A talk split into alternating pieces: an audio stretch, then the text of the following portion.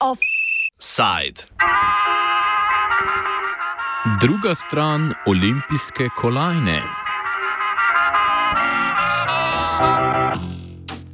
Francosko vrhovno sodišče je konec leta odločilo, da o legalnosti zahteve upravljavca pariških študentskih domov, znanega kot Krus, ne bo razsojalo.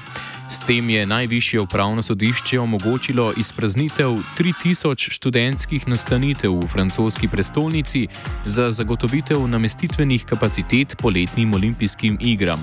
Pariške oblasti na ulice ne mečejo le študentov, ampak pospešeno praznijo tudi iz kvote, v katerih prebivajo marginalizirane skupnosti, denimo migrantske in romske.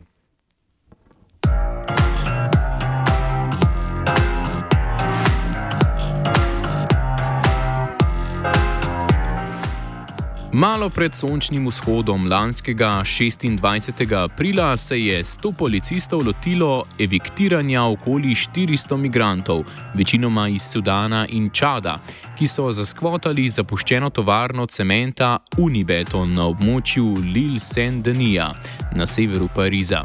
Deložacija je sledila odločitvi sodišča iz oktobra 2020, izvedli pa so jo kljub temu, da so ljudje v stavbi živeli tri leta. Sodišče je ob svojem svoji odločitvi zatrdilo, da je lokacija neprimerna za življenje in predstavlja tveganje za stanovalce. Skvot stoji nekaj 100 metrov od lokacije olimpijske vasi. Posameznim aktivističnim skupinam, kot je organizacija Utopija 56, so vodje gradbenih del priznali, da je bil skvot deložiran zaradi gradnje športne vasi na olimpijskih in paraolimpijskih igrah v Parizu, ki se začenjajo 26. julija. Kako je potekala ekvikcija, evikcija pardon, migrantov iz stavbe Unibetona in ki so eviktirani danes, opiše Kaul Stengler, novinar in avtor knjige o gentrifikaciji francoske prestolnice z naslovom Pariz ni mrtev. What happened uh, in April uh, of this year was you had uh, more than 300 people that were uh, evicted by the police. In uh, this this squat, which is in uh, a very small uh, city called Ile Saint Denis, which is um, just north of Paris. Um, but a, a, squat that had been inhabited for, for quite some time. And I think just before the eviction, there were over 400 people, some of whom had, had left before the, the eviction was taking place because they had been uh, uh, notified that there was going to be an eviction. But on the day of the eviction itself, more than 300 people uh, and these are uh, largely these were largely uh, migrants uh, with with various uh, statuses. As you know, it can be very complex. Who, who's uh, uh, officially a refugee or not? Who has applied for refugee status? Who's an asylum seeker? Um, so people with different statuses, but but overwhelmingly migrants. Um, and about 200 police were on the scene in April, and uh, these residents were essentially moved away to a variety of locations depending on their very specific administrative statuses. Um, and, and, these people are, um, you know, some is sent, sent as far away as Toulouse, which is in the southwest of France, very far away from Paris, but many of whom now are, are still um, in in the Paris region um, in, in, in, various various housing situations. So the the, the the eviction itself clearly hasn't really resolved any underlying need for housing. Those people still need housing. They're just kind of dispersed across the, the Paris region. Gre samo za en primer od mnogih. Lani so oblasti v Lille-Saint-Denis zaprle približno 80 skvotov. Agencija Reuters je našla naslove 32 zaprtih skvotov, od katerih jih je bilo 13 znotraj 2 km od glavnega olimpijskega prizorišča. V departmaju Saint-Saint-Denis, ki leži na severovzhodu ožjega Pariza, je več kot polovica vseh objektov, ki jih bodo namenili za olimpijske igre. Gre za najrevnejši departma Francije. Poleg migrantov je tam policija na ulice vrgla več kot 700 Romov.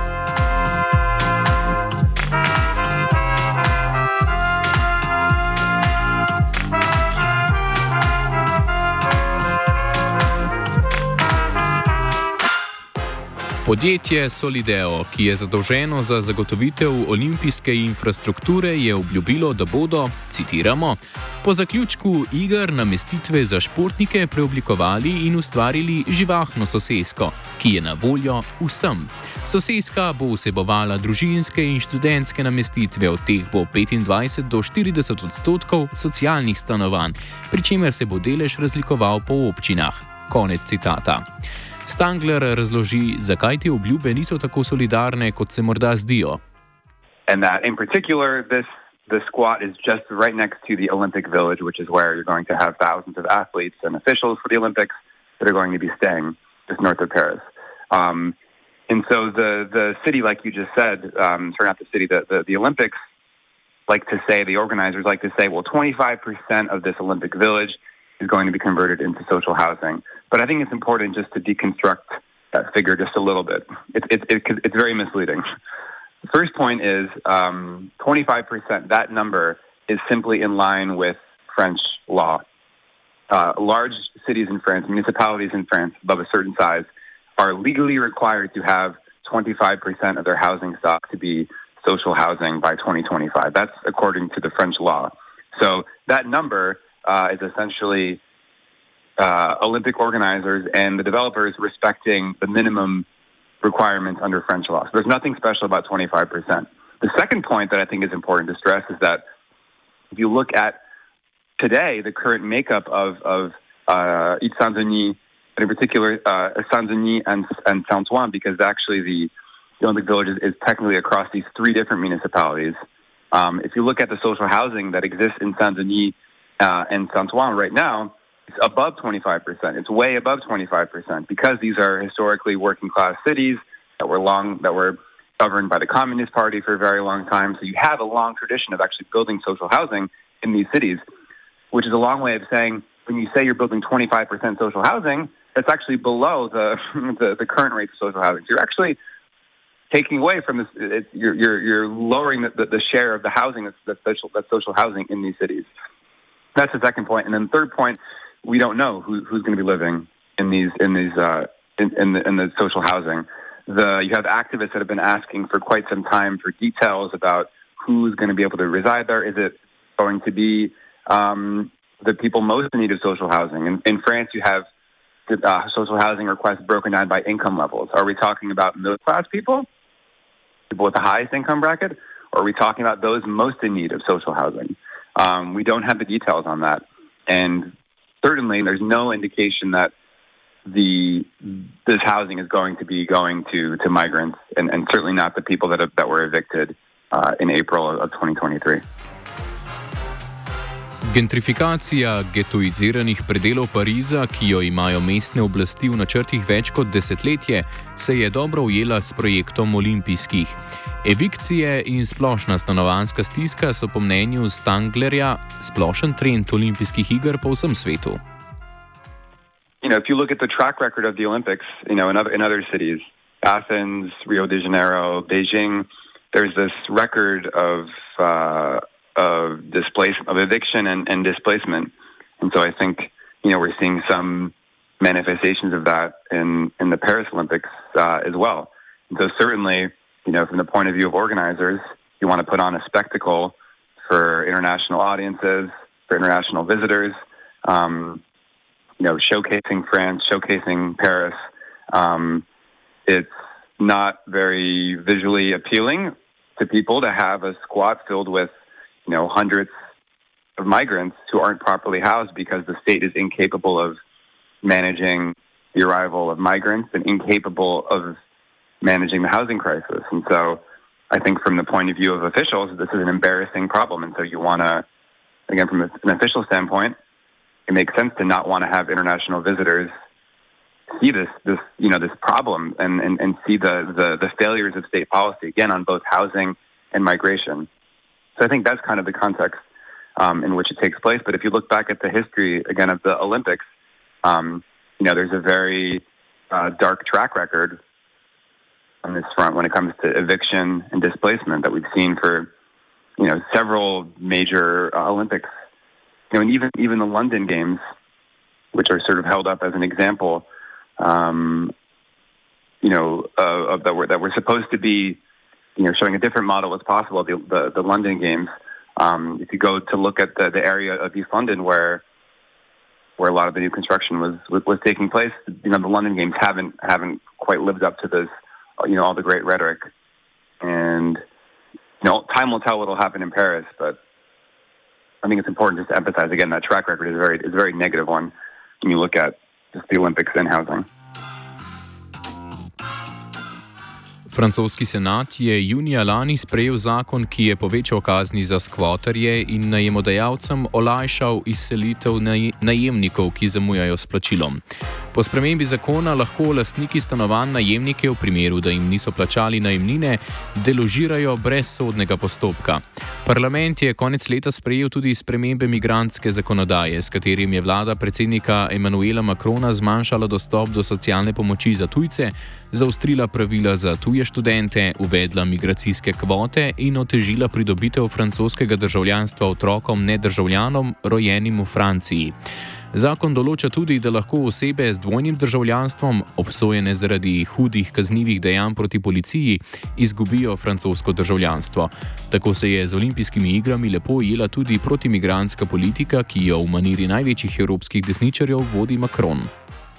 I think the, the government uh, in in France is increasingly moving to the right when it comes to the rights uh, of migrants. When I say moving to the right, uh, I mean um, clamping down on on on immigrants' rights, clamping down on on the rights of foreign people that are living in France. Um, that's what we've seen with, with this bill. That that's really one of the worst bills for for immigrant rights in in decades. Uh, it, it's a bill, a, the, the, bill that you mentioned, that was passed with the support of the far right. Uh, that cracks down and makes it harder for uh, non-French. Uh, excuse me, makes it harder for foreigners born on French soil to obtain French nationality. It limits their access to, to welfare programs, something that the far right, the National Rally Party, led by Marine Le Pen, the daughter of Jean-Marie Le Pen, the party's founder, something that, that that party has been advocating for years. So it's a bill that that, that corresponds to that, that that realizes a lot of the aims of the far right. Um, and that's something that would have been absolutely inconceivable, you know, just just uh, I want to say a decade or so ago.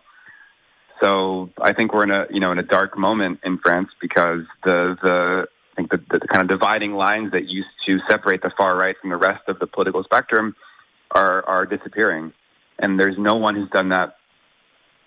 You know, there's there's no one who's contributed to that more than Emmanuel Macron. Um, in terms of in French presidents, you know, Sarkozy famously flirted with the far right in rhetoric, but I think even going beyond the rhetoric, you look at the policies this immigration law, um, we, we don't really have any uh, equivalent to this. So I think in that context, certainly you have to look at the, you have to view the, the eviction of the squat in, in that context as well. And they're, they're, they're interlinked in the sense that the French state uh, is clamping down on, on the rights of migrants and is uninterested in, in bringing the kinds of policy solutions to, to welcome in migrants and to house them properly. So all this is happening in the same context. And, uh, you know, it's a dark, it's a dark political moment. Govorili smo tudi z Merlejem, prebivalcem Pariza, ki olimpijske igre vidi kot izgovor francoske vlade in pariške občine za gentrifikacijo in vršenje protimigranskih politik. Strategy for, uh, from the government and the Paris uh, municipalities to uh, push through uh, poor people from uh, the uh, suburb region is uh, gentrification of uh, this part of uh, Paris. For destroying what uh, was called uh, before the Red Belt. Uh, and uh, it was at the beginning a strategy of the, the right, but now it's uh, Social Democrats and uh, Green Party that apply it.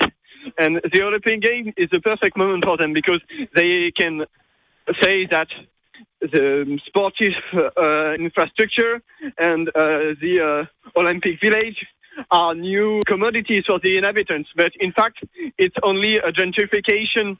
They are, at the beginning, people was uh, just uh, watching the um, the new infrastructure building. There is a politic of uh, pushing through uh, all the people uh, the poor people in the street and uh, push them back out of Paris uh, for the Olympic Games and for uh, the tourists who didn't see uh, how many uh, people are homeless in Paris. There is also all the politics about transport that will be very, very expensive for all the inhabitants during the period, uh, and people that need to work during the, the summer uh, will uh, have very huge problems to replace themselves. and also, all the new commodities will make the price expensive for all people that live there.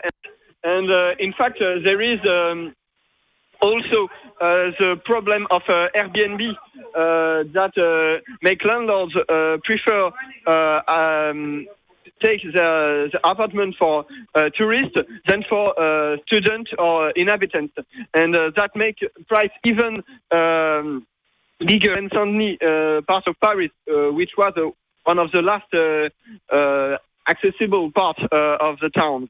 Um, and uh, of course, uh, Olympic Games will make uh, explode the utilization of Airbnb by landlords.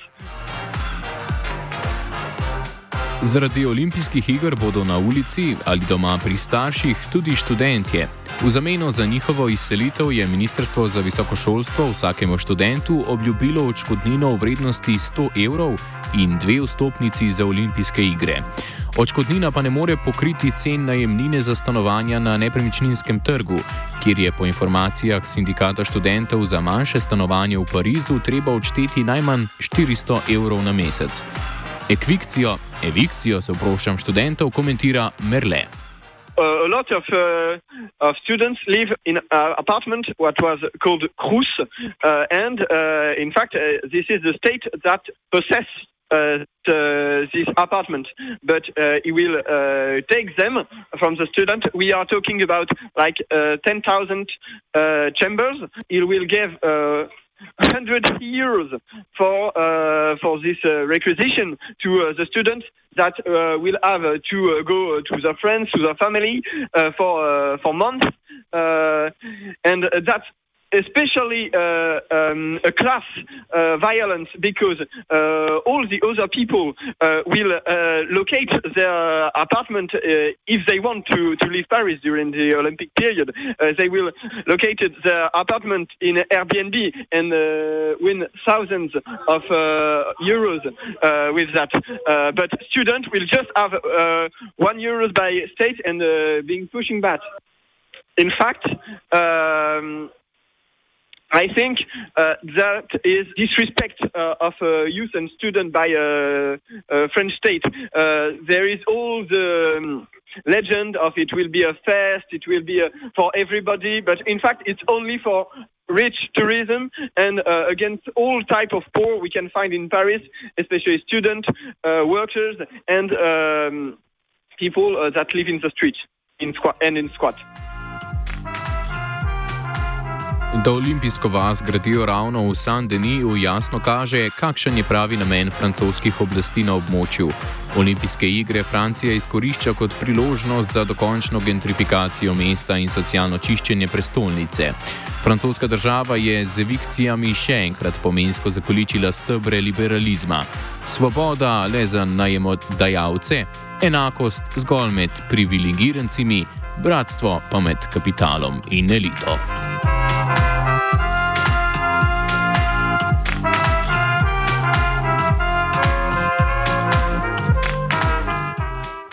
Offside je pripravila Neva.